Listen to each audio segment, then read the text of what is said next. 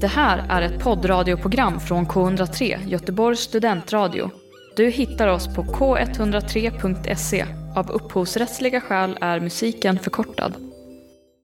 Men det är det, någonting som jag tror på, Marcus, det är att eh, det kommer förändras. Det, jag, jag, känner, jag känner redan nu, det förändringen börjar ske. Jag menar, eh, som till exempel nu den här tisdagsklubben. Eh, jag är jag är så himla det är så svårt att, Annika Appelin, eh, eh, regissör, fruktansvärt härlig eh, person. Eh, och hon har jobbat eh, inom film i många år. Hon är så rutinerad så det är löjligt. Men hon började ganska sent att regissera. Eh, kortfilmer vet jag att hon gjorde innan, men när det kommer till större filmer så är det ganska nyligen hon började med det. Hon är 60 plus. Och hon, och jag tog henne, tog henne åt sidan en av, en av speldagarna och bara så här. Alltså jag måste bara, bara tacka som fan att jag får ha den här, det här namnet för att ha min kropp. Eh, och hon bara, vadå? Jag bara, men att jag får spela Clarence Breding och inte behöva bry, alltså inte behöva ha en, en, en förklaring till varför jag är mörk eller varför jag har den kroppen jag har. Hon bara, nej, nej men alltså det är ju självklart att varför, bara, nej men för mig är det ju inte det. För mig är det en, en väldigt sällsynt uh, situation. Jag heter Henrik Berggren. Jag heter Håkan Hellström. Hej, det här är Timo Räisänen. Det här är Björn. Och Daniel Conny Flames. Du lyssnar på, på K103. K103. Göteborgs studentradio. Välkomna till andra säsongen av Äkta känner äkta. En podd om teater och film. Jag heter Marcus Standoft, jag är skådespelare och lärare. Under säsong två kommer ni tillsammans med mig få möjligheten att blicka in i olika kulturarbetares liv. Dagens gäst heter Rantin Parvane. Välkommen till studion! Woo! Tack! Hur, hur känns detta? ja men det känns skitkul. Ja. Jag har inte riktigt varit med i någon podd innan så det blir ju kul att, att vara med i sånt här. Mm. Mm. Och jag, som jag sa precis innan vi satte på här nu, att det är sån lyx för mig att ha det här. Jag har verkligen sett fram emot detta. Oj, oj, oj, tack. Det var, men det är, det är ett bra tag sedan vi bestämde detta. Ja, det var, det var Typ i somras Ja, men det var nog somras va? Mm. Mm. Men du sa att när vi möttes här nere vid entrén, ja. då sa du att du har varit här innan. ja men precis, jag vet inte, vet folk vart det spelas in det här? Jag vet inte, Studenternas hus. Ja, eh, Stenkast från Avenyn. Som även kallas för, liksom, ni från min generation, Studs. Mm. Folk kanske undrar vad Studs, det var en gammal nattklubb nämligen som eh, där, eh, där de yngsta hängde. Alltså vi pratar om de som eh, hade falska ID-kort och de som var upp till 20 typ. Vi hängde här som fan och jag, jag min mamma hjälpte mig faktiskt och, och, och göra en falsk ID-kort. Det är, ja, nej, du vet, min mamma. Men hon var så rolig, det grejen att alla mina vänner har fyllt 18 mm. och jag eh, skulle fylla då slutet av sommaren i augusti fyller år. Och då skulle de ut och vet, så här, klubba och alla var ju 18 och jag bara jag får inte så här. Och jag hade precis då eh, förberett ett legitimation som jag skulle få och innan man fick legitimation så fick man någon typ så här papperslegitimation. Mm. Och för att de bara, ja ah, men det här ska funka som ditt legitimation innan du får det riktiga liksom så här. Och jag bara, ah, ja men vad bra. Och sen så när jag var hemma så såg jag att själva månaden eh, som jag är född i på pappret var lite så här blurry. Alltså det var lite så här, man såg inte, man kunde inte oh, riktigt tydligt, man kunde inte tydligt. Suddigt, liksom. Det var lite suddigt men, men och så sa min mamma bara så här, men alltså du kan ju lätt ändra det där. Uh -huh. Jag bara, det är faktiskt sant. Så jag, så jag ändrade det till en eh, till en sexa eller sjua tror jag, för jag är född 08 Så var det då 06 tror jag jag lyckades få det till och verkligen, det gick ihop liksom med det andra. Det här var innan man kunde du lägga in och du vet så här, lägga in i en dator och bara fixa det värsta falskläget. Men det här, det här gick faktiskt, så att jag, jag och det var här, här, här på studs faktiskt, min eh, första gång jag kom in på en nattklubb. Mm. Men var det, var det 18 års åldersgräns ja, det, ja det var det, precis, mm. precis. Det var ju, de serverade alkohol och sånt. Så, så då var jag skitnervös och, eh, och så kom, den här, kom jag fram till den här vakten och jag bara, äh, jag har det här pappret för att det, det funkar som legitimation säger de. Och jag fyller ju år näst, eh, om två månader så att, eller nej förlåt, det är så sa jag inte alls det. Jag, jag har ju så här fyllt, ja, fyllt år men jag måste vänta på den här legitimationen. Ja men nej okej, okay, det är helt okej. Okay. Så det, det här funkar också, så varsågod. Och jag var helt exatisk och bara kom in och bara wow! och det var så här fullt med människor och, och det festade så jag bara shit, nej men det var riktigt kul. Så jag har varit här innan och, eh, och festat. Sen efter tre år ungefär så lades den ner för att det var studenternas hus och det, Mm. det, var, det skulle inte funka för att det var, ja, Nej. party liksom. Jag sa just det, att för att jag har varit så här, innan jag började podda här så, så var jag ofta här och köpte så studentlitteratur när jag läste till lärare Mm, mm. och sånt där. Men jag har så svårt att föreställa mig att det ska vara någon form av festlig stämning här. Okej. Eh, och uttrycket studs har jag aldrig någonsin hört. Nej men goog- googla studs och se om du kan hitta bilder för att jag minns att det var verkligen så här det var helt brutalt stort där nere liksom och det var fullt med folk och det var en stor scen och det var så här stora högtalare som folk dansade på det, nej men det var Mm. verkligen eh, det var verkligen innestället för de, de yngre unga vuxna så att säga Wow, wow, wow. Ja. wow. I'm old! Vem är inte det? Men du, vad, vad har du gjort idag? Oj, idag, vad har jag gjort idag? Jag har ett litet sidoprojekt som jag jobbar på som har ingenting med mitt yrke att göra faktiskt. Ganska skönt. Ja. Och sen så kom jag hem och mötte upp en, eh, en snubbe som, som levererade lite IKEA-prylar till mig. Eh, jag hade beställt IKEA-möbler som jag mötte upp och fick alla de här IKEA-möblerna och du vet med IKEA, man måste ju bygga det själv. Ja. Så jag höll på typ i fem timmar och jag bara, ah, alltså, nej, så jag höll på att bara bygga IKEA-möbler nu. Men är du händig av dig? Alltså jag, jag, jag, jag skulle säga så här, nej. Alltså jag, jag följer ett program som heter Tummen mitt i hand.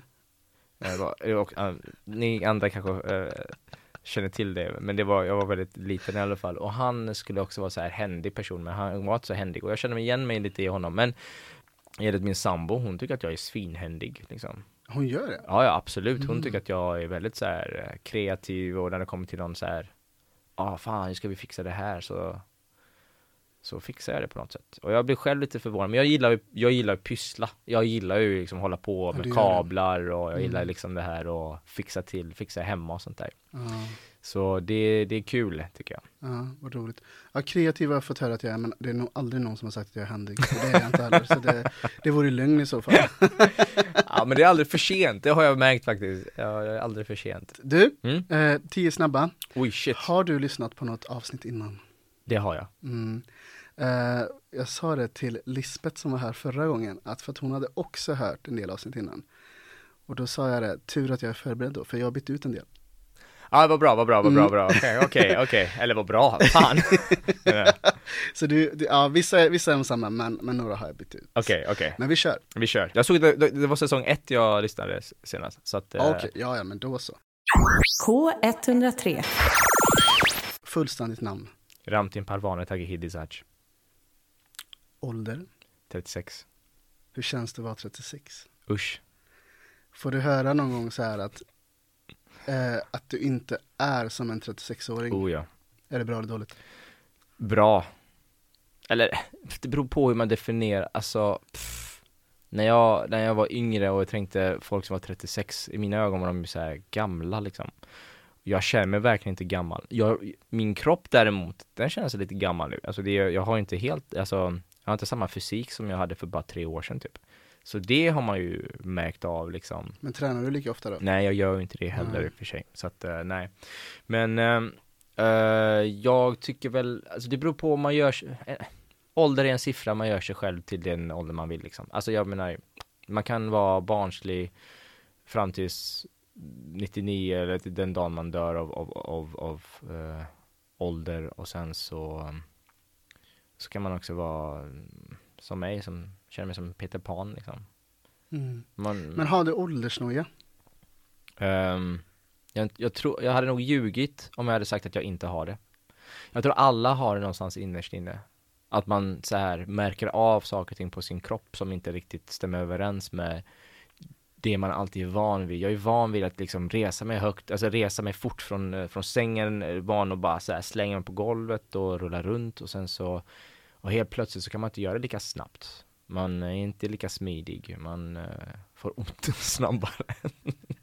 Ja. Eh, Men, och- det, men jag tänker så här, för då är det väldigt så här mycket fysiskt liksom som du får eh, åldersnoja. Ja men är, Mm. är, det något så här, är det vissa saker som du tänker att du inte har uppnått? med tanke på din ålder? Alltså jag är en sån här, många av mina vänner har sagt att eh, när jag säger att jag vill göra något så gör jag det. Mm. Jag, man, jag vet inte om man kan kalla det för impulsivitet, men det, jag, jag, jag, tror, jag tycker inte det. Jag är inte så impulsiv där jag bara, ah shit, jag drar till New York idag. Ehm, det är inte så, det är snarare att jag bara, jag vill göra det här. Och sen så kollar jag, kollar jag och bestämmer mig och så gör jag det. Jag, jag gör det. Ehm, och det är viktigt att man gör det, för jag vill inte hamna i den situationen man ligger i sin säng en dag och man är 50 eller man är 60 eller 70 eller 80, man bara, varför gjorde jag inte det där? Ehm, och jag, um, att jag, vill aldrig, jag, vill aldrig, jag vill aldrig uppleva det faktiskt. Bästa filmgenre? Oj, oj, oj, oj, det här var skitsvårt, oj. Ah, Marcus. Ser du, varför får jag för mig att du inte ser mycket film? Gör du det? Nej, jag ser, alltså jag, när jag var yngre så så- såg jag kanske på tre filmer om dagen typ. Alltså jag, jag det var så här helt sjukt, jag kunde bara så här, och, och jag är en sån här person också som ibland under min uppväxt, när det kommer en film som jag har sett redan tio gånger, om jag, som jag tycker är bra, om när, när man har tv-kanaler, om den kommer så kommer en helt ny hypad film till exempel, på en annan kanal, så väljer jag att kolla på den som jag redan sett som jag tycker om. Ja. Så jag är en sån person som gillar att kolla om på massa filmer också. Mm. Där är Men- jag exakt likadan. Är det det? Ja, Mm. nej, men jag tycker så himla det, Nu idag kanske jag, finns ju vissa filmer man bara så kommer ihåg för jag, alltså jag överdriver inte när jag säger att jag, när jag var när jag var barn så kanske jag kunde kolla på en favoritfilm som jag hade den tiden kanske 40 gånger. Mm. Ja, det är utan att överdriva verkligen. Det var verkligen, i viss, i viss mån så kommer jag typ ihåg alla repliker, jag kommer Ja. ihåg liksom sådär, men eh, men eh, favoritgenren har ju ändrats med allt också. ja, det är jättesvårt Marcus, jag vet inte, jag så här, jag gillar allt ifrån, det beror på vilken känsla man är bara, man känner sig lite så här, kanske nere och, och, och vill bli uppmuntrad så kollar man på en romcom liksom. Vi, eh, eller om man känner sig så här, ah shit, eh, fan vad nice med en så här eh, eh, ge igen film typ så här, typ eh, en actionfilm där någon har utsatts för något typ våld och den, an- eller typ mot ens familj och den bara köttar över alla och bara Ja. och man bara gött, gött, gött, gött. Och det är också eh, nice moments då. Och sen så gillar jag, jag någonting jag gillar verkligen, det är skräck. ja, det är så. Skräck gillar jag verkligen. Eh, men det är också så här, Kollar du skräck själv? det har hänt. Det har hänt, men jag har haft svårt med vissa. Jag har ju också varit den här, så här rädd för spöken fast också säga att det finns inga spöken.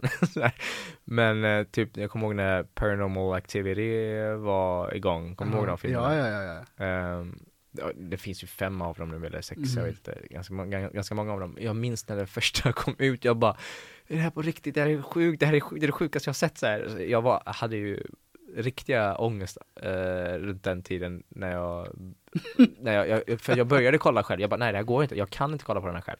Men ehm, annars så, det beror ju på vad för typ av eh, skräck, vad man definierar skräck. Vissa tycker att zombiefilmer är skräck. Mm. Eh, det tycker inte jag. Jag tycker att det, zombiefilmer är rätt eh, nice. Ehm, och jag, eh, jag låter kanske jätteknäppt nu, men en av mina, alltså mina favoritdrömmar som jag kan ha, det är när jag är med i en zombie-situation liksom. Det är svårt, jag kan inte säga, måste jag säga? Måste jag svara? ja. Men jag tänker att det lutar åt skräck. Ja men vi säger skräck. Ja, Boom. vi säger skräck. Ja. Vi säger skräck. Eh, Och jag måste, det- här- det här är också det, eh, favorit, ert favoritljud, det här. du, och jag får typ rysningar, men jag känner igen det här. Var, kommer det ifrån? Det kommer från eh, Jason och eh, Freddy, Freddy Krueger och alla de här eh, gamla du vet såhär, Ja. eh, slutet av Ikoniska 80-talet, 90 skräck, ja precis. eh. Det är alltid såhär, man, när man hör det här ljudet såhär bara tsch, tsch, tsch. Hello? Here? Tsch, tsch, tsch. Och sen helt plötsligt bara Ja, precis. Så det är ju rätt nice. ja, verkligen. Eh, nästa nu, Parad, Ja. paradrätt. Oh, uh, la, la, la, la. Pa, pa, pa, pa, pa, pa. Uh, målfritt. Eh, Okej, men du, det är, är eh, musslor och pommes. Ja. Ja, just det, just det, just det. Eh, pom, Kan, pom, men kan du laga detta? Ja. Det är skit, alltså det är så lätt. Det tar typ så här sju minuter. Och det går skitsnabbt. Och jag använder, jag är ju eh, persian så jag använder saffran i också. Så jag gör sån här, eh, nu vattnas min mun lite. Men då gör jag så här saffranmullfritt. Som är det är ju, eh, det är ju franskt från början, eh, använd musslor. Ja, det, går, det går, det går rätt snabbt alltså, och det är skitgott. Vill du höra något sjukt? Berätta. Jag har aldrig ätit musslor. Då får jag bjuda dig på det runda tycker jag. Det tycker jag Ja, det tycker verkligen. jag. Ja. Jag är lite rädd för det, men det tycker jag verkligen. Nej men det är svinnice, det är svinnice. Ja men det ska vi se till att det sker. Absolut. Mm. Bästa resmål? Någonstans Ta- du har varit. Thailand. Thailand. Mm. Beskriv Thailand. Roligt, trevliga människor, eh, träning, dykning, mat. Hur, alltså vad är den längsta perioden som du har varit i Thailand? Oj, ehm, jag har ju varit där, eh, är det två gånger eller tre? Två gånger har jag varit i Thailand. Den ena gången var jag bara i Thailand och det var en månad. Och andra gången så var jag där kanske tre veckor sammanlagt. Mm. Så reste vi runt, då var jag borta typ två och en halv månad ungefär just den gången då. Nu senast. Men skulle du säga att du är berest? Men det tycker jag att jag är.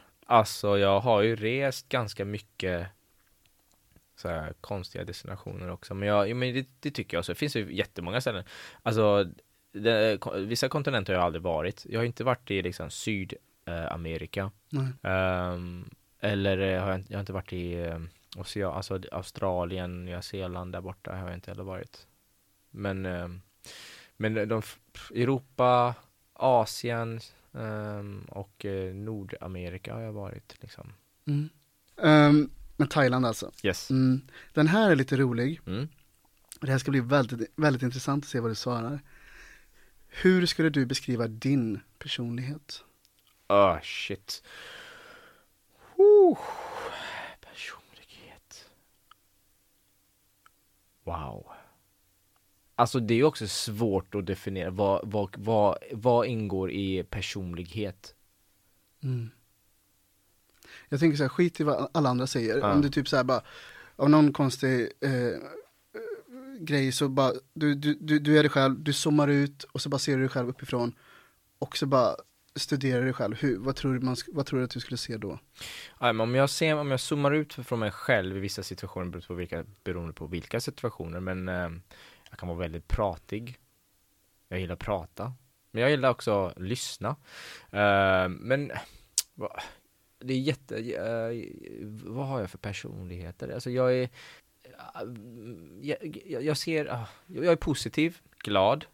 Jag kan också frustration, jag är en frustrerad människa ibland också, har jag märkt. Ehm, um, sen är det så här, jag, jag vet inte, i min Hej och 2, eller Hej och H svenska 2, för att personlighet, vad, vad, är person, vad är personlighet? Är det att man är, att man är då, ehm, att man är en snäll person? Är det, är det en personlighet då, eller? Ja, fast lite, lite vagt beskrivet. Men jag skulle typ så här, ja men så här, dina styrkor och svagheter, vad, Mhm. hur, alltså, men också Okej, du- styrka och ja, svagheter. Men ja. då, då blir det lättare för mig. Ja, Mm. okej. Mina styrkor är att jag är en lyssnare. Jag gillar att lyssna på människor. Jag är också en person som är en, jag gillar att lösa saker och ting för åt folk och eh, mig själv framförallt. Jag, ehm, men jag, men jag, jag är kam- en kameleont. Jag, jag är bra på att passa in i olika situationer. Det tycker jag också är en, alltså jag vet inte om det är en, en personlighet, men det är ju en, definitivt någonting som jag eh, ehm, uppskattar att jag har. För det är många som bara, oh, speciellt i vår yrke, ehm, när man hamnar i vissa situationer bland människor som inte vet hur man ska hantera saker och ting. Eh, men eh, mina, alltså, sen så har jag ju mina brister där jag är väldigt ehm, ehm, eh, jag kan jag är envis. Mm. Ehm, jag grämer saker. Kan, det kan ta jättelång tid innan jag kan släppa det liksom. um, jag, uh, jag kan bli, uh, när jag blir sårad av någon så kan jag, eller jag kan ta saker och ting väldigt personligt. Alltså, ja, även om inte det är personligt så kan jag ta det väldigt personligt. Och om jag blir sårad av någon så är, kan jag, jag kan, det kan det kan ta ganska lång tid innan jag kan liksom så här släppa det typ. Ehm, Fast jag är ingen, jag är ingen omöjlig människa, det är snarare att jag är, hade jag uppskattat liksom så här att människor bara du jag behöver prata, eh, det här var inte så nice, låt oss prata. Och det, det, älskar jag och någonting som framförallt jag är väldigt, väldigt um, konflikträdd jag. Um, Vad sjukt, jag skulle faktiskt säga jag skulle faktiskt avsluta med att jag ser inte dig som en konflikträdd person. Uff, alltså jag bajsar på mig varje gång jag ska typ gå in i någon eh, sån här Skämtar du med mig? Nej nej nej Jag försöker ju hantera saker och ting um, Jag försöker, alltså jag Jag har en sambo som är väldigt bra på konflikter Ja. hon, hon, hon är verkligen så här, "Nej, nu behöver vi prata om det här och, och så här, och hon har varit så himla bra på det och bara säga precis vad hon tycker och tänker och känner. Men hon kommer också från en familj där allt, de är väldigt så här känslosamma och de, de, de diskuterar allt. Och, det, och, och, man märker också när man är med dem, så märker man hur, eh, hur nära de är varandra, hur ingenting är liksom, man, det är ingenting man inte får prata om eller nämna liksom så här. Och man märker liksom hur bekväma alla är med varandra också. Och jag kommer ju från en helt motsatt eh, familj liksom där man, man pratar inte med varandra liksom så här. Mm. Och, och, och när, speciellt när det kommer till konflikter, då har det alltid varit, den där, alltså, då har det varit så här, gå till ditt rum, bara, puff. Det har varit en konfliktlösning liksom. Går till ditt rum, eh, och, och, och då, blir, då blir man ju så hämmad vid att kunna och, det, det, och den, jag, jag tror att den känslan att vara konflikträdd eh, hos mig eller hos kanske de andra är att man har väldigt dålig erfarenhet av, av det som barnspel liksom, där det väcker upp vissa känslor igen som bara eh, det är så betingar väldigt fel i ens, ens kropp. Eh, men jag har faktiskt blivit mycket bättre.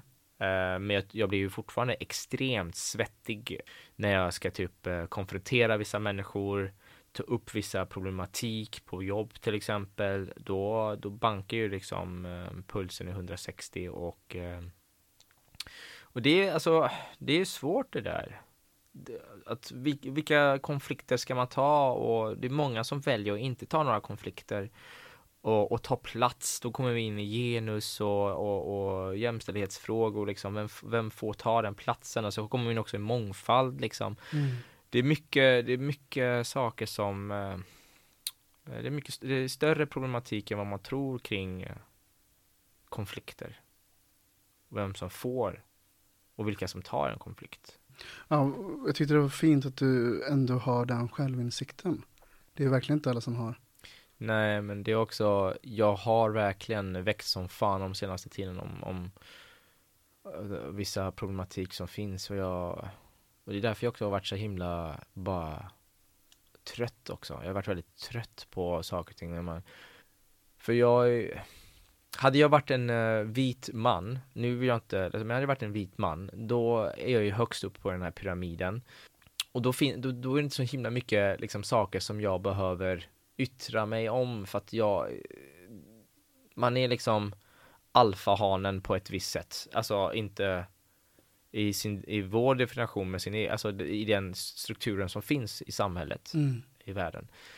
Och jag, jag, eh, jag vill ju ändra och förändra och det enda sättet att ändra och förändra det är genom eh, att prata om det. Det är genom att synliggöra, det gäller att att ta upp vissa jobbiga situationer, diskutera dem och berika folk liksom. Utbildning, utbildning, utbildning. Det är allting, det är det enda, det enda, det enda sättet är det liksom. Om jag hade nu gått ur det här så hade jag ju fortfarande be, bemött och, och, och varit med om det är det jag har varit med om nu i mina liksom 15 år i det här yrket, skådespelaryrket som jag bara känt att fan jag borde bara släppa det här, kasta in handduken för att det är helt sjukt att jag inte har samma rättigheter, samma möjligheter som en vit skådespelare oavsett kön.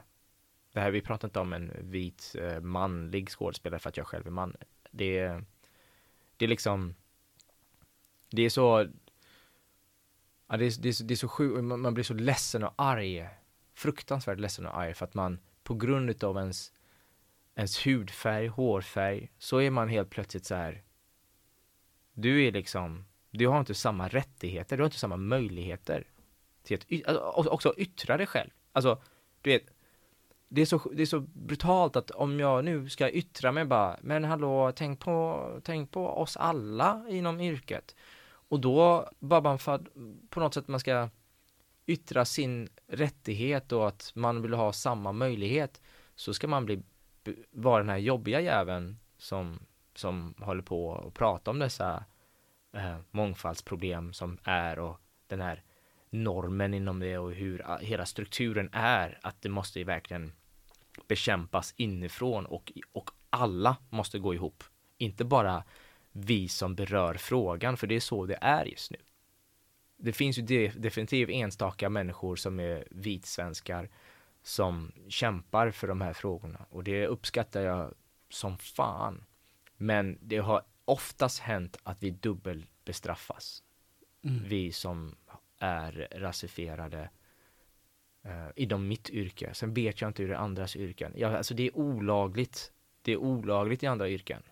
I mitt yrke så är det lagligt att säga bara nej, du är, du är för mörk eller du ser inte svensk ut. Och det är helt okej. Och du kan inte få det här jobbet på grund av att du inte ser svensk ut. Vi ska ha en svensk i den här rollen. Och då, och då går man direkt till det här. Du vet så här, vad definierar en svensk då? Ja men en svensk är blond och blåögd. Nej, det är inte det. Men tillbaka till, eh, till jag kan bara Nej men, det, det, nej, men det det är fruktansvärt, men vi ska prata mer om vithetsnorm sen. Mm, Eh, mm. Men det, ja, det är fruktansvärt. Uh, önskar att vi hade haft eh, många, många mer timmar att eh, prata om det Fattar, här fattar. just nu. Men okej, eh, nästa nu då. Hur Mm. många språk behärskar du? Oj, eh, flytande. Ja. Ja. en, två, tre. Alltså jag vill säga tre, men jag kan ju inte skriva eller läsa på persiska tyvärr. Okej. Det är ju Mm. väldigt, det är någonting som jag tycker är extremt Men jag, jag pratar ju flytande och, och förstår allt liksom. Men, men ehm, tre. Mm. Ja, två då är det en svenska, engelska, persiska? Ja, precis. Mm. precis. Men, eh, och har ni pratat det liksom hemma då eller? Alltså till en början eh, gjorde vi ju det, eller när jag kom till Sverige så var det bara det vi pratade liksom. Det tog ett tag innan vi eh, integrerades och eh, eh, kom in i det svenska samhället och började prata svenska och sådär. Men eh, eh, sen så träffar man ju sina svenska ehm, kamrater och sådär och, eh, och de pratar ju bara svenska. Mm. Och, eh, och, jag, och jag pratar ju ett annat språk och jag kommer från ett annat och då, var det, då blev det verkligen så här och då gick jag på hemspråk. Jag bara, vad fan ska jag gå på hemspråk för? Det är jättekonstigt. Jag vill inte gå på hemspråk. Jag är svensk. Jag ska bara prata svenska. Så jag sa det till mamma och sådär. Jag vill inte. Jag vill inte. Och då var jag sju år. Ehm, för att jag vill vara liksom som alla andra tror jag. Ja. Det var nog det. Och jag, om jag ångrar mig idag, gud ja, absolut. Eh, det gör jag. Eh, jag gick på hemspråk kanske ett halvår och sen så hoppade jag av. Eh, men jag ska faktiskt ha tänkt att jag ska ta tag i det snart igen så fort jag har lite ledigt. Att jag ska börja, ska börja liksom och läsa persiska och så att jag lär mig lite bättre. Speciellt skriva och läsa då. Eh, mest uppskattade egenskap hos en annan människa? Oj. Eh, oj. åh. Att vara ehm, inte givmild men vad heter det? Ödmjuk? Ödmjuk, tack. Mm. Ödmjukhet är definitivt eh, någonting jag eh, betraktar som något extremt eh, stort. Mm. Ja, jag förstår. Eh, stjärntecken? I'm a Leo. Eller, Ja, det kunde man ge sig på. Beskriv ett lejon. Oj, oj, oj, alltså det är så finns, alltså vad jag har fattat som är att eh, lejonet gillar, älskar att vara i centrum, Mm. ehm, är glad, eh, givmild, ehm, har jag fattat det som. Det- och väldigt mycket energi, typ, energifylld, typ. Det är, ju- alltså, det- sen vet jag inte om det stämmer överens med alla lejon eller sånt där, men det, det stämmer ju överens för min del, tänker jag. Alltså, Sen beror det på vad definition av gilla att vara i centrum liksom. Jag kanske inte gillar att vara i centrum i eh, alla lägen. Eh, till, till exempel när man är hos en vän på någon fest eller sånt där. Då gillar jag inte att vara i centrum. Då gillar jag att vara i utkanten och bara liksom. Men, eh, men eh, såklart, jag är ju en skådespelare för en anledning. Jag gillar ju att stå på scen. Mm. Eh, höra, synas och folk ska beröras. Vad hade du velat säga till ditt tioåriga jag? Oj. Det kommer bli så jävla bra. Trodde du inte det då? Nej. Det var väldigt mycket skit. Eh, alltså som tioåring. Det här är jätte hemskt. Det är så hemskt. Men jag blev faktiskt eh, slagen av mina klasskamrater för att jag var mörk. Är det sant? Det var, två av dem eh, utförde fysisk våld. Och eh, en var, mer, eh, var med någon gång och bara kollade på. Och jag, eh, ja, jag, minns, jag minns det så väl för att det var efter den här Nattbuss 327, eller den här filmen Nattbuss eller vad den hette. Den här Mm, svenska långfilmen. Ja, precis. Mm. Då minns jag att, att helt plötsligt så var jag, ja, att de använde vissa liksom repliker därifrån och sånt där, för jag hade också sett den. Eh, nej men eh, det, var, det, var, det, var så, det var så konstigt den perioden. Det var jättekonstigt och man kände sig utanför och så helt plötsligt så blev man Oj, vadå, har jag en annan hudfärg? Eller det var ju inte så himla, jag förstod inte det innan och där blev jag liksom så här Fattade jag att jag var att jag blev kallad för invandrare, jävla svartskalle och jävla blatte och sådär. Mm. Och vi var ju bara tio år. Det är liksom, de vet inte ens själva vad de höll på med. Så återigen, alltså jag säger det, media, de, de vet inte hur mycket de påverkar människor och barn. Mm, verkligen. Vad, vet du vad de här personerna gör idag? Ja, jag vet vad de gör idag. Mm. Har Mm. ni haft någon kontakt? Nej, vi, alltså vi har ju haft, vi, vi umgicks, eller en, en av dem umgicks jag med typ som ung 20-åring sådär. Um, och, men vi har ingen direkt kontakt på det sättet, men vi liksom festar ihop. Ehm, men vi har aldrig pratat om det här. Nej. Det har vi inte gjort. Jag undrar om de ens kommer ihåg det. Och den andra har jag, efter jag slutade mellanstadiet så har jag inte, jag sprang på honom för inte så jättelänge sedan och då var det bara tja läget, jo men det är bra, du själv och det var, var kul att se dig, du vet så här. Det, jag kommer ihåg det här. Det här har gett mig är, eh, är liksom, jag vet inte om det gett, gett dem är. Tänker att uh, vore jävligt konstigt om det inte gjort det. Alltså, Jag vet inte. Alltså hade det gjort det för att jag Man försöker ju liksom be om ursäkt till de människorna man har gjort illa Speciellt om man fattar sen som Det är en annan sak, man har inte fattat att man gjort någon annan illa men Men eh, typ Efter någon sån grej tror jag Sen när man bara tänker tillbaka bara Okej jag, nu slog jag Ramtin Kallar honom för jävla blatte och jävla svartskalle Han ska dra till sitt jävla hemland om man inte fattar det idag att man har gjort fel. Alltså jag menar Tänker jag på det? Nej, det gör jag inte. Men hade jag uppskattat ett samtal? Ja, det hade jag nog gjort faktiskt. Mm. min eh, Ramtin 10 år, eh, 10-åringen Ramtin hade nog uppskattat det tror jag. det, ehm, det hade jag också gjort kan jag säga. Mm. Eh, nu ska vi höja stämningen lite. Kör vi. Mm. Eh, är allt lugnt? Ja, gud ja, absolut, Mm. absolut. Eh, jag har gjort en sammanfattning om dig. Okej. Ja. Eh, blir du nervös? Ja, nu? jättenervös. ja. Nej då. Nej, Ramtin, du är skådespelare. ja, det stämmer. Mm. Du är utbildad via Högskolan för scen och musik i Göteborg. Stämmer. Eh, efter utbildningen så har du arbetat på Backa teater och medverkat i ett flertal uppmärksammade produktioner som exempelvis eh, The Mental Stage of Gothenburg, Brott och straff, Utopia och DNA. Nu vet jag att du har jobbat där väldigt, väldigt många år, Mm. men nu har jag bara liksom plockat några här. Mm.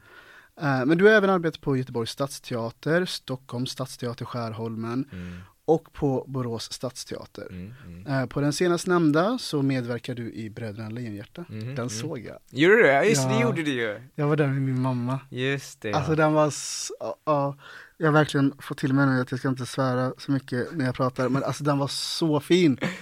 Gulligt. Jag älskade den föreställningen och det, jag kommer ihåg min mamma bjöd mig på den och, och jag menar, det, är inte så länge sedan. Nej, det var tre år sedan nu. Ja, Ja. jag, vad var jag då? 27 liksom, Ja. men jag, äl, alltså, jag tycker ju om Bröderna Lejonhjärta väldigt, väldigt mycket, men jag älskar den och jag tyckte Både du som spelade eh, Skorpan och vad heter hon som spelade Jonathan? Ehm, oj, eh, gud, Agnes. Agnes. Ja, I put you on the kom spot här. ja det gjorde jag, ja, men jag bara, just det, Agnes. Nej men jag kommer inte ihåg hennes efternamn, jag tänkte på efternamnet, det är därför jag bara, Mm. Agnes, ehm, Nej, jag förstår. Ah. Jag tyckte ni gjorde det jättefint. ja jag tycker hon var fantastisk verkligen. Eh, hon, ehm, ja men det var så kul också med Peter som regisserade. Han, han är också väldigt, väldigt bra. Han är väldigt, väldigt lätt att jobba med. Och, och det var underbart att han då valde mig eh, som Skorpan. Jag blev så glad för det. Ja, och Agnes då som eh, Jonathan. Mm. Och hon var, alltså det var, hon var Jonathan. Mm. Det var inte att eh, man sa en hon till henne, du vet hon var Jonathan bara. Ja, ja, men hon, det, alltså det, och det är som du säger så här att jag kunde inte föreställt mig en bättre storebror Nej, den föreställningen. nej, Jag kunde verkligen inte gjort det. nej. Du har nyligen filmat klart långfilmen Tisdagsklubben Ja, det stämmer. eh, och just nu gör du regidebut på Angereds teater i föreställningen Vi som ärvde. Jädrar, ja du har kollat upp mig. Det är klart. men du, jag undrar så här, vad, vad ligger dig varmt om hjärtat som jag inte har tagit upp här? Ehm, hmm. Nej, jag tror att du fick med det mesta som jag själv känner att, eh, eller jo, de, de hjärte, hjärteföreställningarna har ju verkligen varit de som jag jobbat med Johanna Larsson. Det där 2505, någonting med 2500 dagar och eh, 5000, ett, ja, Ja, jag, såg den, jag såg den föreställningen på 5000 bla bla bla Ja. dagar. Eh, jag, jag älskar den också men jag orkar inte skriva med den här för jag orkar inte. Jag hade Johanna här och så satt jag där och rabblade upp alla de här siffrorna. Jag bara, men, men, men den såg jag. ja, Eh, och det var så jävla kul för att jag, jag, jag tror jag såg den med, med Julia. Mm. eh, som jag gick med på Angereds teaterskola. Men så var vi där och då vet jag att det var ett, jag tror att det var ett, en högstadieklass som var där. mm, Och det satt någon typ så här längst fram eh, som var lite stökig, eller Ja. han, han kunde väl inte sitta still liksom, och han, jag vet inte, han kanske bara var obekväm. ja, Men han förde ett visst oljud. mm, Jag kommer ihåg att, jag vet inte vad han heter nu, men det var en, en lång eh, manlig skådespelare i, i, i din ensemble, Ove, eh, jag tror det, ja, eh, som gick fram och gjorde något sånt där utfall mot honom så att han blev livrädd.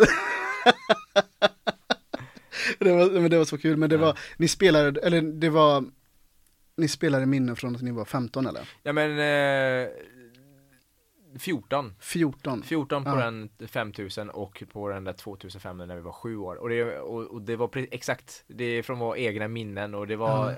och just den där 5114 dagar som den hette. Det. ehm, det, den var nog den bästa föreställning jag har varit med och gjort för eh, högstadiepublik och jag har ändå jobbat på Backateatern ganska många år och gjort många högstadieföreställningar. Men det är Mm. den bästa faktiskt. Den var jättefin. Ja, och, det, och, det, och den, den grep tag i publiken och alltså du vet, jag var med i så många wow-upplevelser med publiken som bara det är de, de det bubblade i deras kroppar, de visste inte vad de skulle ta sig till. De bara reser sig upp och drar sig i håret bara "Ah!" Du vet, de är så med.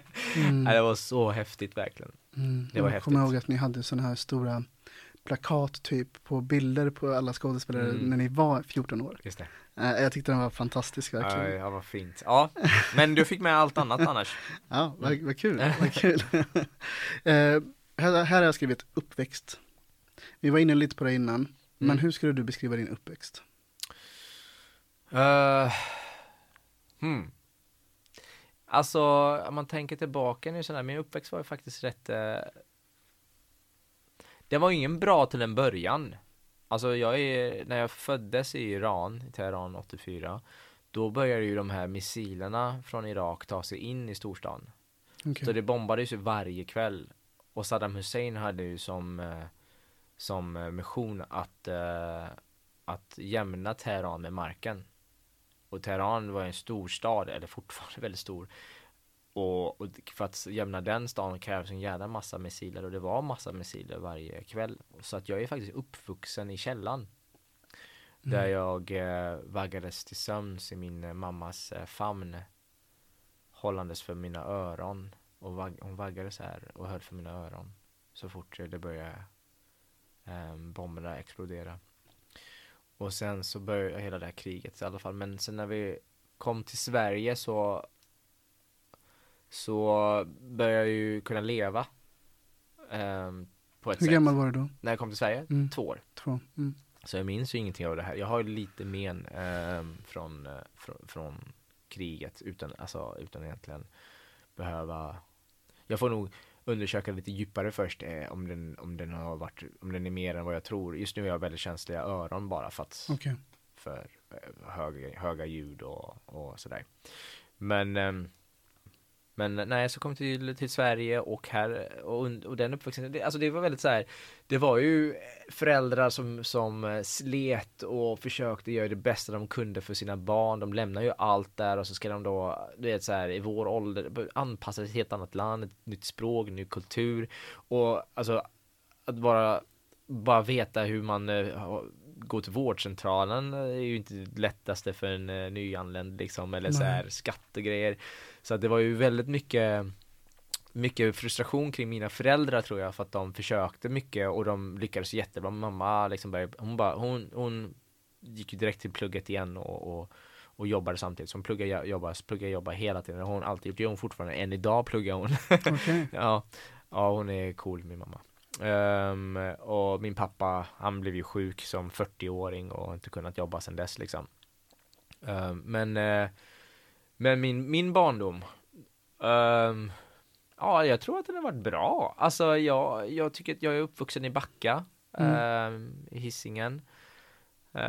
och, uh, och jag uh, lekte med mycket vänner, blev bästa kompis med en kille, en granne som jag fortfarande är mina bästa kompisar idag. Ja, oh, fint. Ja, nej men vi träffades, det var så häftigt. Vi träffades, jag ramlade utanför hans dörr, eh, hans hus, med min cykel. Och eh, hans föräldrar hjälpte mig hem och eh, några veckor senare så träffades vi, eller så satt vi bredvid varandra i, i klass 1. Alltså vi var, vi skulle börja ettan då. Och så minns jag den här pojken då som, eh, som var i klassrummet, som jag också var i klassrummet. Och så satt vi bredvid varandra och så bara hej, hej. Så. Och då mm. sen dess så har vi varit eh, bästisar. Oh. Ja, det är häftigt. Men shit. Vad... Det är många år, det är 30 år nu. det är helt underbart. Ja, det är sjukt. Alltså, jag, jag har något sånt där liknande, att jag, så här, jag lekte med en, en tjejkompis väldigt, väldigt mycket när jag, när jag, när jag var liten. Och hon, mm. Vi bodde så här, grannar på samma gata, så här. Hon, hette, hon hette Lottie. Och, och hon var så här, väldigt, väldigt smart, väldigt eh, så här, bra på att lösa saker, väldigt kreativ. Men så kommer jag ihåg att jag fick en sån chock när vi började i förskolan tillsammans. För det var så här, jag blev så här bara, men shit, är vi lika gamla?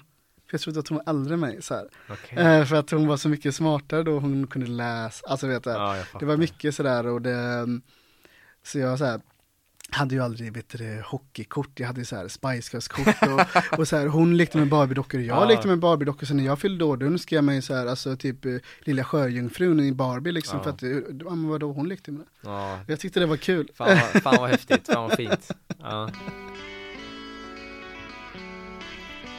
Du lyssnar just nu på en radiostation som är del av SRS, studentradion i Sverige. Men du, jag är lite nyfiken, hur hittade du teatern? Uh, av en slump faktiskt. Hur gammal var du då? Då var jag, uh, hade fyllt 16. Mm. hade fyllt 16 och uh, uh, sprang på en gammal skolkamrat till mig och jag pratade med henne och frågade vad hon gör nu för tiden och sa hon att hon håller på med teater. Och jag bara, vad är det? Ja men kommer du ihåg att jag gick på teaterföreställning med, med skolan så här. Jag bara, ah, okej, okay. ja men jag är med i en, en teatergrupp som heter Teater Flash. Mm. och jag bara, ha okej, okay, vadå är det skådespeleri då eller? Hon bara, ja, så här, är, är, det som film typ? Frågar jag då. hon bara, ja men, ja, nej, det är ju liksom på scen och sådär, jaha. Men är du intresserad? Jag bara, ja men jag kan, jag, jag, jag, jag, vill, vill, jag vill vara med i film, så jag, 16-åring. Eh, eller 15, 16, jag Och sen så gjorde jag, efter det, när jag gick i trean då, eh, då skulle jag spela huvudrollen i eh, eh, föreställning som heter Gatan. Eh, um, kommer inte ihåg karaktären hette men, men jag minns det och jag bara tyckte det var så jävla häftigt att jag fick huvudrollen i den då. Uh. Och jag hade så jävla roligt också. Uh, och sen så togs alla studenten och teatern la, lades ner. Lisa Grön var inte kvar heller. Uh, men hon började jobba på Angeredsteatern. Och där så fick jag ett samtal då typ ett år senare eller två år senare och då ringer hon och bara, hej Rantin, eh, det är Lisa och jag eh, jobbar ju då här på Angered och det finns en frilansande regissör som heter Mattias Andersson. Han har skrivit lite så här oh. pjäser och lite och, och regisserat lite sådär. Och han ska sätta upp en föreställning här på Angered som heter Dementos Days of Gothenburg. Och då vill han ha en ung kille med i föreställningen så att det finns en, eh, det finns en eh, en roll då som han vill ha som, som en kung, eh, ung kille och han ska träffa några och några ska gå på audition och sådär och, och, och jag tänkte vill du vara en av dem också? Så här. Ehm, och då tackade jag ja till det um, och så fick jag träffa honom första gången jag träffade honom uh, och sen så fick jag träffa honom igen och göra en audition veckan efter. För han ville bara träffa mig och, och prata med mig och se om jag är intresserad. Och så träffade jag honom veckan efter, då var vi så här två timmar i en uh, liten, uh, ett litet uh, dansrum, typ så här balettrum och så gav, gav han mig massa texter och så skulle jag då hålla på med de här texterna och så här.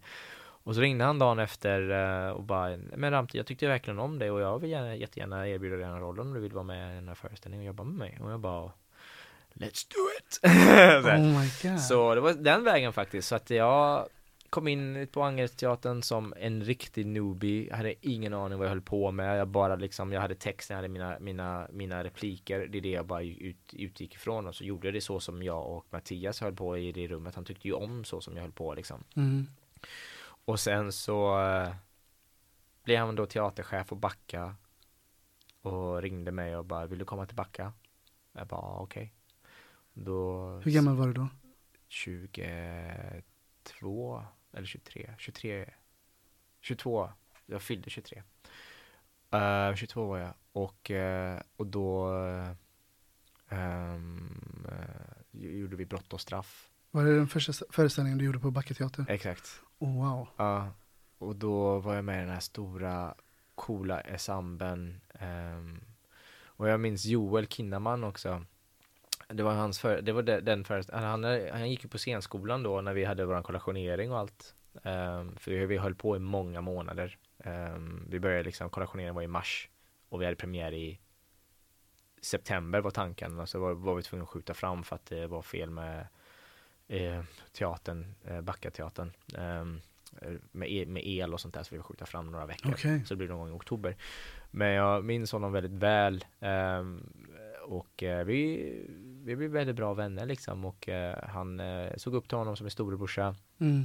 Han pratade liksom så här jag bara fan, jag vill ju bli skådespelare liksom, vad ska jag göra för att bli skådis typ? Eh, han bara, men du är ju skådis eller vad tänker du? Jag bara, nej men alltså en riktig så här som ni typ För jag var ju den minst erfarna där och alla var ju så mm. jävla du vet så här, inte bara Joel, här är ju Lars Väringer, vi har uh, Maria Hedborg, vi hade Mats Blomgren, heter han tror jag efternamn.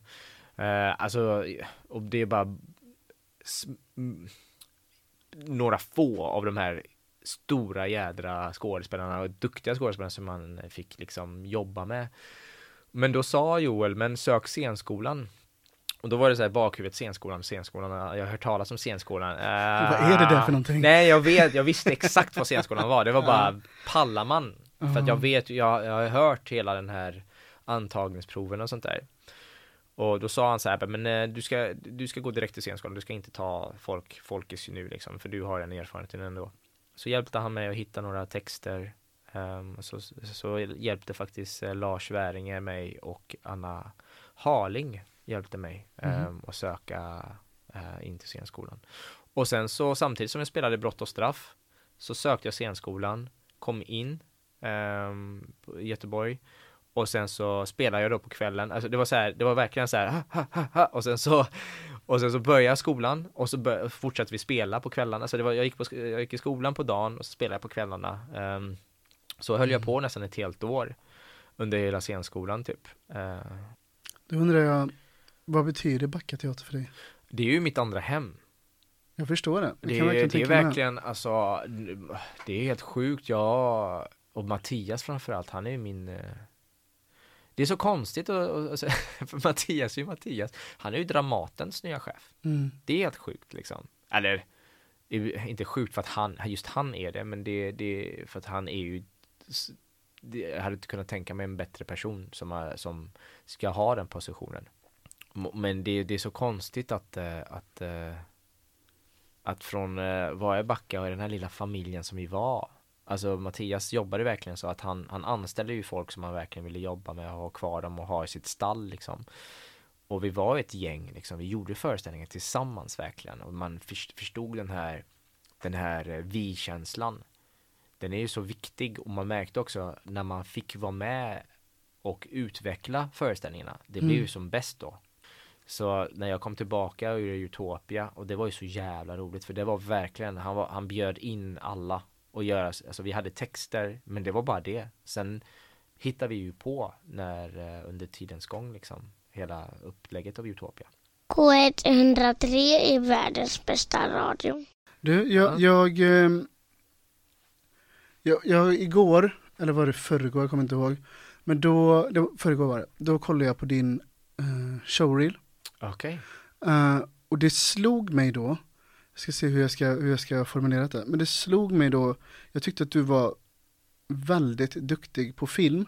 Mhm. Eh, och och jag, jag känner ju dig och jag vet ju att du har jobbat på teater så himla mycket, men jag tyckte verkligen, jag tyckte verkligen att du var så himla duktig framför kameran. Tack. För det är ju så här, det är också skillnad mellan teater, alltså att skådespela på scen och framför en kamera.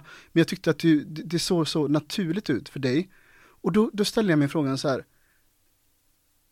varför har du inte gjort mer film? Ja, ah, Marcus, det är jättegulligt av dig. Eh, jag, eh, jag har själv, eh, man måste först och främst tänka liksom till jag eh, har ju försökt, det är inte så att jag inte velat filma, eller till en viss del har jag tyvärr fått tacka nej till filmer. Mm. Eh, men det har varit så här, föreställningar eller? Ehm, det bland annat också, absolut. Men också småroller som har varit så här, ja men du ska in hit och bryta och eh, typ skjuta den här, eller du vet så här, eller du ska in och döda dig själv och du är jihadist och du är så här mycket bara ha, ha en kropp liksom, inte någonting annat. Hade det varit en, en, en gedigen roll där jag var en jihadist och gick in och bara så här och köttade liksom hela, liksom så här, ehm, då då hade jag definitivt, jag hade inte haft några problem att spela invandrare eller kriminell, det är inte det, men att ut, alltså jag har ju haft bara sådana små roller än så länge då, eller fram tills nu den här eh, tisdagsklubben. Men det har också varit, eh, jag har, eh, vad kan man säga, det är ju också castningar. Ja, vi vet, jag tänkte säga precis att vi vet ju både du och jag att det, det, det finns ju mer eh, som, som ligger och eh, liksom eh, pyr, bubblar i botten än att bara, att du till exempel bara har en fallenhet för att skådespela framför kameran. Det är inte så enkelt i vår bransch. Nej. Ehm, hur, hur, vad tänker du när jag säger så? Nej, alltså det, det är ju det jag, jag, så svårt att gå in i det här för att det, det vi går tillbaka till vad gör, vad görs det för eh, filmer, vilka, vilka syns och vilka kroppar eh, ska vara med. Mm. Jag har hört oftast eh, vissa castare säga så här, ja nej men vi har ju kom på ganska sent att det här var väldigt mycket vitt. Uh, och då har ju de största rollerna liksom, och, och det är någonting som, det är ju för att man, om man kollar på det, om man kollar till, till vänster och höger om sig och ser bara en, um, att det är väldigt vitt runt omkring sig så att säga, de som jobbar med eh, produktionerna, då, då, då, då, då tappas det en del av, um, av vissa frågor på vägen. Eh, så i min, eh, nu säger jag inte att man måste vara, man måste själv vara berörd för att man ska vilja driva ett, eh, ett, ehm, en av de här, vad heter det, ehm, en av de här, inte fel, men vad, vad, vad, Men liksom att man, att man vill liksom kunna ändra på de här viktiga frågorna liksom. Ja men eh, exakt, eh, problematik, vissa Ja, problematik mm. liksom. Det man behöver inte vara berörd av den själva frågan för att man ska vilja driva vissa problematik eller kunna göra det. Men ofta så, så faller det i, en, i ens egna spår för att man själv är väldigt eh, driven i vissa frågor för att man själv är berörd av de frågorna. Indirekt eller sådär. Och, och jag, det är ju så här att, jag menar, mina vita eh, kollegor, de kanske provfilmas tre gånger så mer än mig. Jag provfilmas kanske en eller två gånger om året. Mm. Och det är för att det finns fler roller för dem. Eh, för att de är vita. Och, och det är ju, och det är ju, går man ju tillbaka till eh, till, eh, till, till att det är ju liksom exkluder, man exkluderar människor. Eh, och eh, eh, jag kan inte förklara mer än så. Det är, Så här, då undrar jag, har du någon gång provfilmat för en huvudroll? Nej. Det har jag inte gjort. Nej, jag har inte heller gjort det nämligen. Nej. Nej, det har vi inte gjort. Nej, nej. Och då tänker jag, men då, och då har du ändå liksom, du har gått scenskolan och du har jobbat aktivt sen det. Men det är det, någonting som jag tror på, Marcus, det är att eh, det kommer förändras. Det, jag, jag, känner, jag känner redan nu, det förändringen börjar ske. Jag menar, eh, som till exempel nu den här tisdagsklubben. Eh, jag, är, jag är så himla, det är så svårt att, Annika Appelin, eh, eh, regissör, fruktansvärt härlig eh, person. Eh, och hon har jobbat eh, inom film i många år. Hon är så rutinerad så det är löjligt. Men hon började ganska sent att regissera. Eh, kortfilmer vet jag att hon gjorde innan, men när det kommer till större filmer så är det ganska nyligen hon började med det. Hon är 60 plus. Och hon, och jag tog henne, tog henne åt sidan en av, en av speldagarna och bara så här. Alltså jag måste pra, bara tacka som fan att jag får ha den här, det här namnet för att ha min kropp. Eh, och hon bara, vadå? Jag bara, men att jag får spela Clarence Breding och inte behöva, bry, alltså inte behöva ha en, en, en förklaring till varför jag är mörk eller varför jag har den kroppen jag har. Hon bara, nej, nej men alltså det är ju självklart. Att, varför, jag bara, nej men för mig är det ju inte det. För mig är det en, en väldigt sällsynt eh, situation. Mm. Då, och då, hon, var så, hon var så härlig till den inställningen, men det var som att, att, hon, inte, att hon inte vet ehm, att, att den problematiken inte, alltså, hon vet säkert om den problematiken ändå, men det var så på något sätt också härligt att hon bara hade den inställningen, bara, nej men det är självklarhet att det ska vara så här. Och inte bara jag också, men Miran till exempel, eh, Miran Kamal, eh, han spelade, eller han spelar en karaktär som heter eh, en riktig så här eh, Lars, typ, nej inte Lars, det var något annat sånt riktigt så här eh, Lasse, nå- något sånt där liksom eh, och eh, så har vi Venus då som spelade Camilla. Mm. Det var du vet, våra tre kroppar som är och jag menar jag och Venus vi har ju från eh, rötter från Iran och och ehm,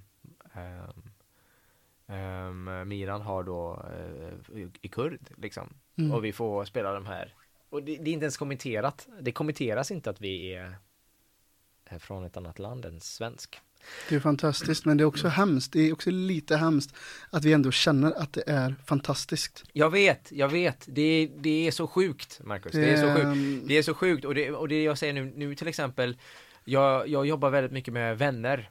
Ehm, jag, jag, jobbar, jag jobbar jättegärna med, med um, nyexaminerade reg- regissörer. För det är de som är så törstiga och hungriga och har och fattar liksom den här, den här systemet som är Mm. det behövs ju några människor som kommer in med helt annan syn på det och också är medvetna, en medvetenhet som jag, jag tror att många är medvetna men de väljer ju inte följa sin medvetenhet. Alltså det är så här, ja nu börjar jag filosofera eh, på ett visst sätt men ja, men det kom, det, jag, jag känner, jag har stora förhoppningar att eh, så här var det inte för tio år sedan. Nej. Och jag tror inte om tio år kommer vara så här som det är nu. Så att, ja, och, det, och, och det lutar sig att, att det bara blir bättre. Men det är fortfarande bedrövligt att eh, man måste hävda sig själv för att ha samma rätt, rättighet och möjlighet som en vit svensk. Mm. Så är det eh, i vårt yrke i alla fall. Eh, I en annan yrke så är det säkert det också, men där kan man polisanmäla. Mm. Ja, det kan man inte i filmbranschen. Nej. Men du, eh, jag är nyfiken här, Tisdagsklubben, vad kan du berätta Mm. om det projektet? Ja, alltså det, det är det som har kommit ut, det är ju att det är en eh, romantisk komedi. Mm. Um, jättehärlig. Um, handlar om tre kvinnor, um, 60-plussade kvinnor som um, väljer leva igen. Att, att ta tillbaka sitt liv kan man säga och, och leva för sig själv. Um, handlar om då Karin framförallt som spelades av eh, Marie Rickardsson. Mm. Hon eh, har huvudrollen och eh, hon väljer då att med sina vänner eh, gå en matlagningskurs. Och där träffar hon då bland annat min karaktär, eh, Clarence Breding och, eh, och några andra eh, karaktärer där också. Och då Peter Stormares karaktär Henrik Jag kommer inte ihåg vad han heter efternamn i filmen men eh, För det var väldigt mycket Någon skrev fel om hans efternamn som sen var tvungen, man var tvungen att säga ett annat efternamn än vad det var egentligen. Så det var väldigt eh, komiskt eh, en, jätt, en, en, en feel good film helt enkelt som är skrivna av kvinnor, gjorda av kvinnor och kvinnor i huvudrollen som Peter Stormare brukar säga. Och eh, det är faktiskt en riktig eh, det är jättehärligt att få en del av det. Jag ser fram emot den väldigt mycket. Ja. Kom, när kommer den på bio? Det säger de, eh, egentligen skulle det komma i år, nästa år, förlåt, eh, år 2022. Eh, tidigt år 2022, men med Ja, vi- corona nu, nej. Ja. Hur många auditions var du tvungen att göra för den här rollen? En. En? Mm. Jaha. Oj jäklar. Ja, det är skitbra. Det var, det var Svan, Svante eh, Åman som castade till den. Det gick skit, eh, det gick jätte, eh, det gick jättesnabbt. Det var jag och Ville, eller Wilhelm eh, Johansson. Mm. Han har varit gäst där. Han har det, ja, men han är, han är härlig. Mm. Eh, vi tillsammans, vi spelar ett par. Jaha. Ja. Eh, så vi castade tillsammans och eh, vi var där en kvart, 20 minuter, en halvtimme kanske och bara improviserade kring lite grejer och sen så sa Svante, jag är, jag är jättenöjd. Jag bara, ja, alltså. Så fick vi samtal dagen efter eh, att vi fick det. Ja, ni båda två fick rollen. Ja, precis. fantastiskt. ju. Ja. Det var jättekul. Ja, vissa fall måste man kasta flera gånger och i vissa fall så behöver man inte kasta så mycket. Hej hej, jag heter Mark Standoft. Du lyssnar på K103. Vi som ärvde, det är Jo. din regidebut. Mm. Eh, kan du beskriva den här föreställningen? Vi som ärvde. Oj. ehm, vi tar upp frågor om eh, flykt. Ehm, vi tar eh, frågor upp vad är det för typ av saker man kan ärva och inte ärva i en flykt. Vi tar upp frågor inom integration. Eh, vi tar upp frågor om att, att anpassa sig, kulturkrock. När slutar man vara flykting, invandrare, hur eh, man ser sitt liv idag. Och vi ställer frågor till dem. Alltså det, vad kan man säga? Vi som ärvde är ju inte bara vi som har ärvt den resan, det är också de som har gjort så att vi har ärvt den här resan. Så det är allas röster kommer att få- få höras, liksom de som valde att fly, alltså våra föräldrar då så att säga. Och vi ska då kommentera till flykten. Var, alltså, typ resultatet på ett sätt. Och varför jag kom på den här föreställningen och skrev om den, det var det var för att jag fick ju panik efter 2015 när eh, gränserna stängdes för eh, nu anlända. Först var det så här bara welcome refugees och sen bara nej, vänd er liksom. Och jag, eh, jag blev, jag mådde väldigt dåligt den perioden. Um, det hände väldigt mycket. Då hade jag en del problem på Backateatern också som jag kände saker och ting som också inte stämde överens. Alltså det var väldigt mycket som skedde just med runt den tiden och då började jag skriva den här. Och då gjorde jag jättehemskt nog att eh, syftet med det till en början var så här bara, ja ah, men nu, jag vill liksom så här på något sätt hävda min rätt att jag är här. Kolla hur bra det har gått ändå. Nu tar vi en flykt från Iran till Sverige och kolla hur bra vi är. Kolla vilka duktiga invandrare vi är. Kolla vilka duktiga flyktingar vi är. Vi är läkare idag. Vi, vi tar hand om er. Vi, vi fixar det. Vi betalar skatt. Kolla vad bra vi är. Vi liksom så här. Eh, så att kolla hur bra vi har gjort det. Ge de här också chansen. Det kommer bara bli bra. Jag lovar liksom så här. För jag mådde skitdåligt att jag skulle få ha rätt att få bo här och inte dem. Alltså så, jag, jag mådde jättedåligt och jag vet att jag tar, inte- jag tar inte det här, jag tar inte min frihet för givet för att jag känner till det andra. Och um, hade inte mina föräldrar valt nu att jag, att komma hit till Sverige så hade jag ju, eh, alltså, vem hade jag varit? Nej. Vad hade jag gjort för något idag? Hade jag ens levt? Mm, Många frågor. Så att eh, det är väldigt stora frågor och det är fantastiskt fina texter vi har fått från människor då, som har ärvt den här frågan, eller den här, den här resan också. Mm. Skrivande människor som eh, Param Pasuki, eh, rappare. eh, från Göteborg. Ja, ja, ja. ja. Han skriver text också, och så Navid Modiri eh, också. ehm, han är ju, vad kan man inte säga, att han är, han är allt, han gör allt. Han, han är någon form av en ehm, performer och artist och eh, författare.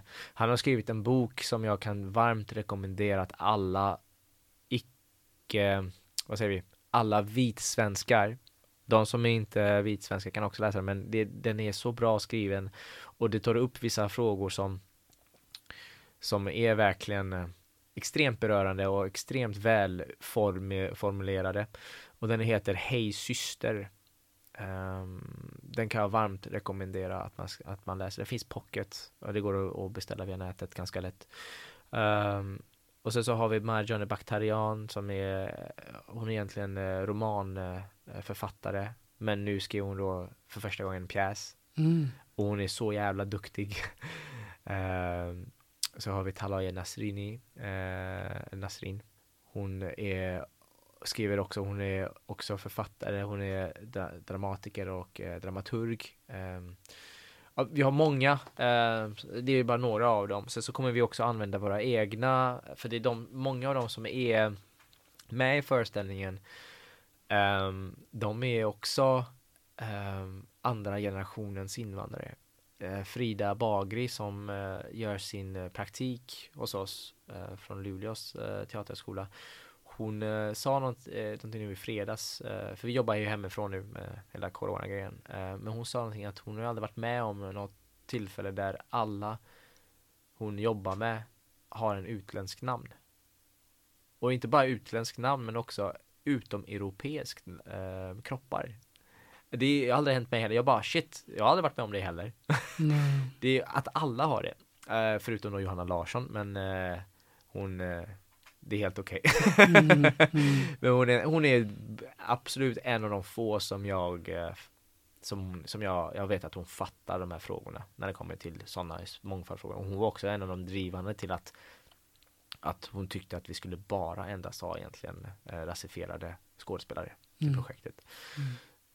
Det jag önskar verkligen att lyssnarna kunde sitta här och se för att du ser väldigt passionerad ut när du pratar om det. Ja. När har den här premiär? Uh, Ja, om eh, gudarna vill så ska det vara premiär egentligen 12 mars men nu med tanke på att vi inte fått vara på golvet nu de så här, för vi började, vi hade ju kollationering 11 januari så kanske två veckor fram, så mitten av mars hoppas vi kunna ha ha eh, premiär.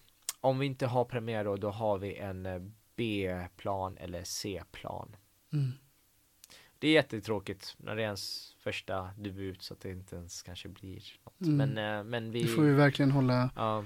tummarna för. Vi som är det kommer spelas på Angereds teater. Stämmer. Mm, men det är ett samarbete med Göteborgs stadsteater och, äh, och Backa teater. Ja, det Mm. Precis. Ja, jag ser fram emot den extremt mycket faktiskt. Du, vi börjar snart bli klara. Vi har några saker kvar vi ska ja, göra. Mm, uh, framför dig så har du en burk.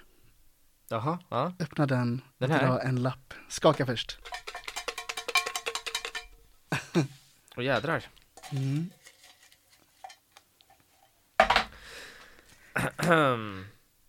tid.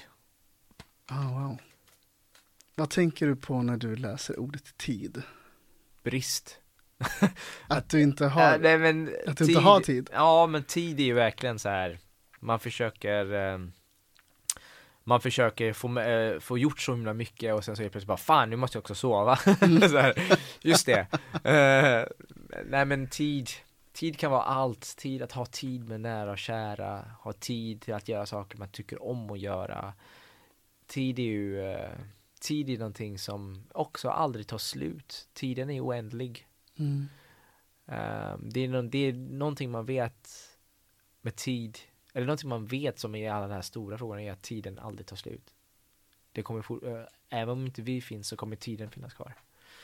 Um, så det är väldigt filosofiskt tid också, men också en uh, underbar ting. med tiden så blir man ju allt äldre och klokare hoppas jag. Visare och... Ja, nej. Nej men uh, jag tänker mycket med tid. Framförallt då att uh, ibland känns att man har brist på tid. Mm. Det jag tycker är så fascinerande med tid, det är som som alla redan vet om, men det är att man kan uppfatta tiden gå långsamt eller fort beroende på vad man gör. Ja, det är, det är häftigt. Jag tycker det är så, det är, alltså det är ingen, det är ingen rocket science, men alltså så här, det är så fascinerande på något sätt Mm. att, att det gör det. Mm, mm. Att tid kan gå liksom så här, men det kan också kännas som fem år, så har det gått tio minuter liksom. Mm, verkligen. Du ska få höra en fråga nu, som Yes. inte är ställd av mig. Oj, Är du beredd? jag kör, kör. Vad är din, ditt största misslyckande eller failure? Vad, vad har du gjort liksom som, som du kan berätta efteråt i en scenisk situation eller en filminspelningssituation där du bara goofade? Har du någon sån situation som du idag kan kanske skratta åt? Det var en fråga. Jag har också två frågor. Men vad var den andra jag tänkte på? Ehm, jo, den är lite mer seriös då. Den, jo, hur hanterar du besvikelser? När du till exempel har provfilmat och gått ganska långt och inte får den där rollen som du hade hoppats på eller teaterjobbet. Hur hanterar du det? Stora frågor. Ja, Intressanta frågor. intressanta frågor. Okej, Vi börjar med den första. den första, jag goofade inte. Det är sällan jag goofar på, på set. Ehm.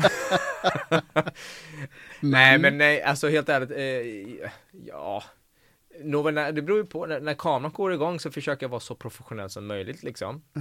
Men det var en händelse som jag kan säga, den är ju hemsk på så många olika sätt. Men det var ju snarare att jag räddade hela, hela, jag, jag regisser, jag har faktiskt regisserat en liten scen i en film som jag har varit med. En Mm. Irene Huss-film. Jag säger inte vem eh, regissören var. Ehm, och, eh, och det här är en underbar skådespelare också som jag fick jobba med som jag ser upp till. Han, eh, han idag jobbar inte så mycket med, som skådespelare men han var med i andra Avenyn i alla fall. Eh, vi skulle spela mot varandra. Det här, jag gick på scenskolan och eh, jag fick den här rollen, det var en dags inspelning, jag fick så här 10 lax i, i eh, och det var helt lugnt, jag skulle spela och jag fick, jag, jag fick manuset hem Ing, inget annat förutom att manuset kom och så stod det bara ah, det här är manuset. Eh, och så, så läser jag in det och jag bara ja ah, men det var ingenting annat, bara, nej blir det, aha okej skitbra. Och sen så är jag då där um, träffar vissa andra människor Uh, Özz eh, var med i den filmen också. Det var väldigt roligt att träffa honom, det var första gången jag träffade honom där. Och då och då hängde man med dem och sen så var jag med i en scen först och sen skulle jag vara med då den scenen som jag skulle då uh, vara med och, och ha repliker. Och då skulle jag då Ehm, bli eh, så här, hotad och bara Var är han? Eh, säg vart han är annars så skjuter jag dig. Typ så här skulle den här motspelaren göra. Eh, så vi gick på set, eller det var våran tur, vi gick på set, vi repade, vi var helt okej och så bara gjorde vi det och så kommer då regissören bara Tja, okej, är ni redo? Har vi redo, ni har repat? Absolut, vi har repat. Och så säger då regissören, men ni vet att ni gör det här på arabiska va? Och jag bara, eh, vänta, vänta, time out. uh, Okej, vänta, två, två saker. För det första så pratar inte jag arabiska. Nej. Och för det andra så har ingen sagt någonting till mig att det här ska vara någonting annat än svenska som det är skrivet. Aha, ja det blir misskommunikation då. Eh, ja, liksom. Ja men eh, vad, vad pratar du då? så, jag bara, "Vad? svenska? så här, Nej men vad pratar du inget annat än svenska? Jo det gör jag. Om det är det du undrar så är det att jag pratar persiska. Mm. Ja men bra, kör på det. Och då säger den här skådespelaren, för han pratar ju arabiska. Han bara, vänta, vänta, men jag kan inte prata persiska. "Ja, Men vad pratar du då? Han bara, jag pratar arabiska. Jaha, men det funkar ju. Bara, va? Ja men det, går- det går ju. Men, Alltså vänta, vänta, det är två olika språk. Jag, jag förstår inte arabiska, han förstår inte persiska. Det är två, det är så här, förstår du kinesiska? Eller mandarin? "Ah, Nej, nej. Det är samma. Jaha. Men är det svårt då? Ja, men eh, okej. Och då börjar vi alla så här ta på oss våra thinking caps. Och jag bara okej. Bara för att jag ska rycka den här jävla plåstret för hårt så vi gör så här. Han kommer in, han ser mig, jag eh, och han kommer fram till mig och frågar alla de här frågorna på det språket han talar. Och jag kan bara, jag har precis kommit till Sverige och jag kan inga, uh, uh, kan inte säga någonting förutom inte, inte, inte, inte, inte vet, inte vet, inte vet. Och sen så blir han ju arg för att han ska ta upp eh, te den telefonen, Han ska ta upp um, en pistol och hota mig. Och då, uh, ska, då blir jag helt förskräckt och bara ah, jag vet, och då pratar jag, pratar jag persiska och han förstår inte mig. Och han bara, ah, men skitsamma, det här är fel person. Typ så här, att han bara lämnar mig på golvet. Jag, och jag ligger kvar på golvet och bara så här åmar mig. Och bara Åh, döda mig inte, typ så här. Och regissören bara, bra, vi kör så. och jag hoppades så himla mycket på att den, den eh, scenen inte skulle komma med. Mm. Så kommer då, det var, det var den tiden det var DVD, det här var inspelning 2000, tidigt 2000, alltså 8 tror jag det var. Mm. Och det var ganska, de, bland de, det var, det var ganska, bland de eh, första filminspelningar jag gjorde, så det var ingen bra liksom erfarenhet av filminspelning för min Nej, del. jag förstår verkligen. Och då kollar jag på den här DVD, DVDn så ser jag mig själv i en sån här ruta, du vet, baksidan av DVD. Så jag bara, nej, den är med! Just den scenen Den också. scenen är med, fan! så, här. så kollar jag på den. Det var en rätt bra scen då liksom, men eh, så jag, det är jag som har regisserat den scenen, ifall ni undrar. Så det är bara så ni vet, jag tar den credden. Ja, det ska du verkligen. Ja. Besvikelse då, hur hanterar du det? Att inte få den rollen man vill ha, nej men det är fan skitsvårt alltså. Det är, det är skitsvårt. Man mår ju dåligt. Det finns inget man, det finns inte man kan göra så mycket förutom att man bara försöker liksom ruska av sig det och göra något, eh, göra något och ha andra projekt på gång.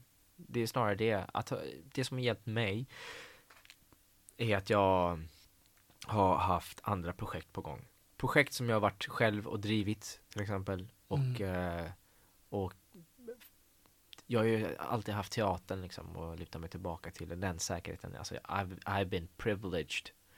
Och jag vet om mina privilegier.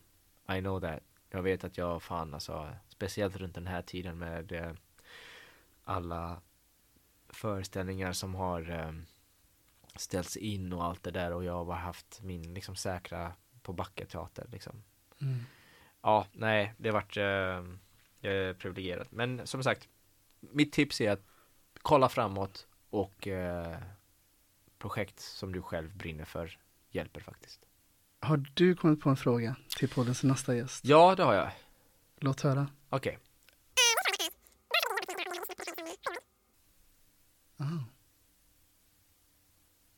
Spännande. Ja. Alla har ju olika. Ja, verkligen. Hade jag lyssnat på mig själv som sjuåring så hade jag varit astronaut idag.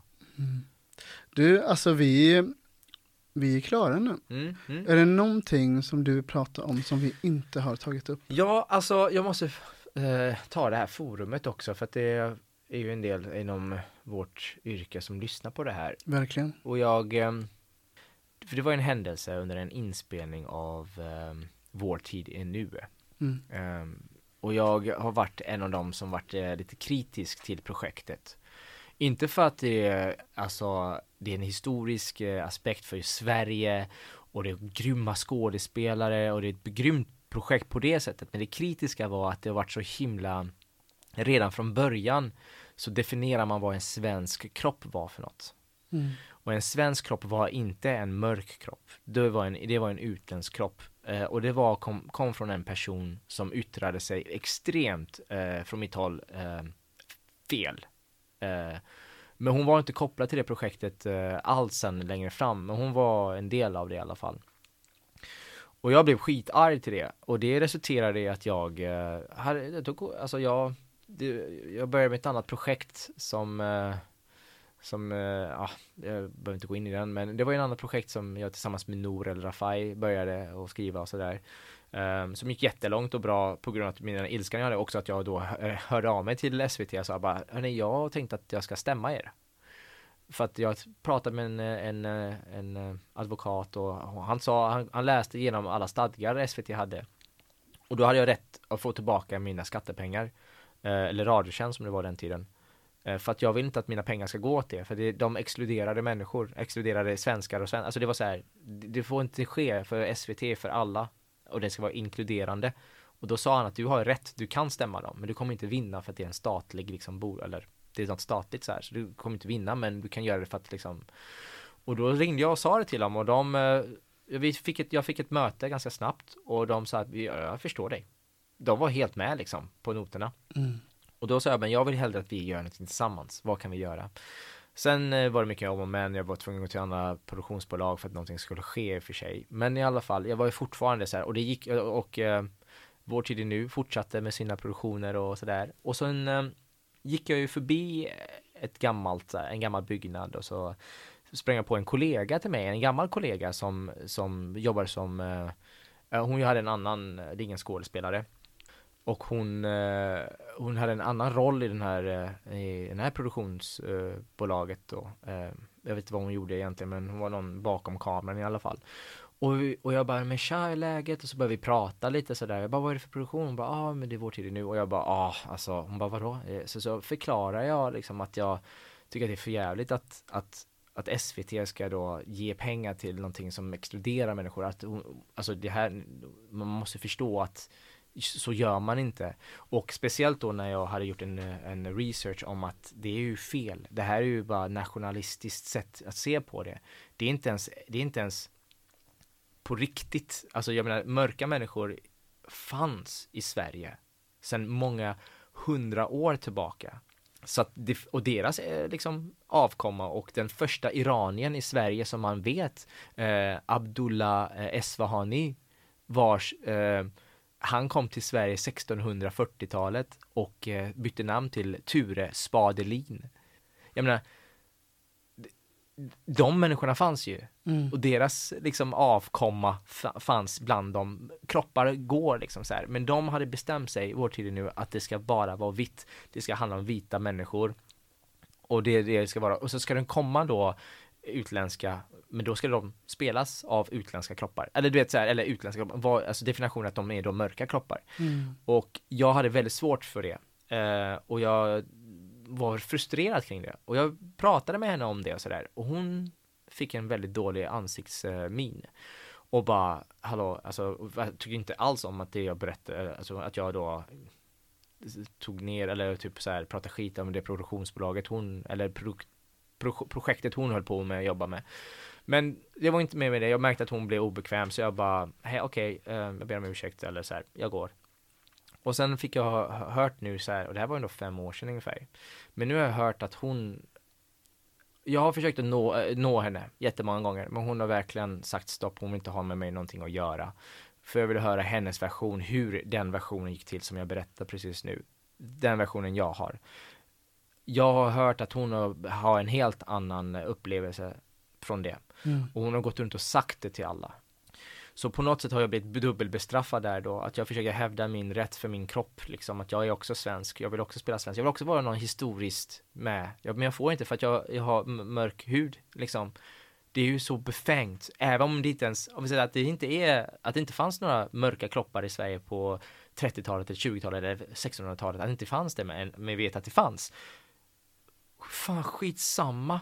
Mm. Jag menar Netflix gör ju massa sådana gamla 1600, 1500 och det är bara massa olika kroppar. Jag, jag, jag, tycker det, jag tycker det är så sjukt att, att det är så och att speciellt den är så himla, den är gjord, gjordes för, för inte så länge sedan, vi ser ju fortfarande en ny säsong nu av vår tid nu. Men jag tycker det är så himla, det är så himla ledsamt. Jag har verkligen försökt att nå den här människan och höra hennes åsikt och be om ursäkt om att, att hon har gått, att jag har skrikit att de är rasister, att jag har gjort värsta, ut, att jag har gjort värsta spelet där utanför. Och, jag, och om folk känner mig, jag är ingen sån person. Jag hade aldrig skrikit på människor att de är rasister. Men däremot har jag sagt att så här ligger det till, det här är fel. Mm. Det är definitivt. Men det menar jag inte för att folk ska ta det personligt och, och, och att det är deras fel. Det här är ett struktur, det här är större än mig. Det här är större än henne. Det här är större än... Det här är en stor fråga i vårt yrke, eller inte ens bara vårt yrke. Också vad som spelas och visas bland till, till svenska samhället. Där, där yttrar sig också bara, här har vi svenskarna, här har vi invandrarna. De är med och driver den här utanförskapet, de är med och driver de här, de här att, att hade vi haft då Eh, huvudroller där det var eh, en annan kropp än vitsvensk, då hade såklart de här människorna bara, åh vänta lite nu. Ja, de här kropparna har kanske funnits där längre än tiden än nu, de här nya invandrarna. Eh, jag vet hur vissa funkar, det de ser på tv tror de på. Så att eh, jag vill på något sätt så här, ni som har hört vad som har sagts om mig, vad jag har yttrat mig på vår tid i nu inspelningsplats. Snälla, tro inte på det.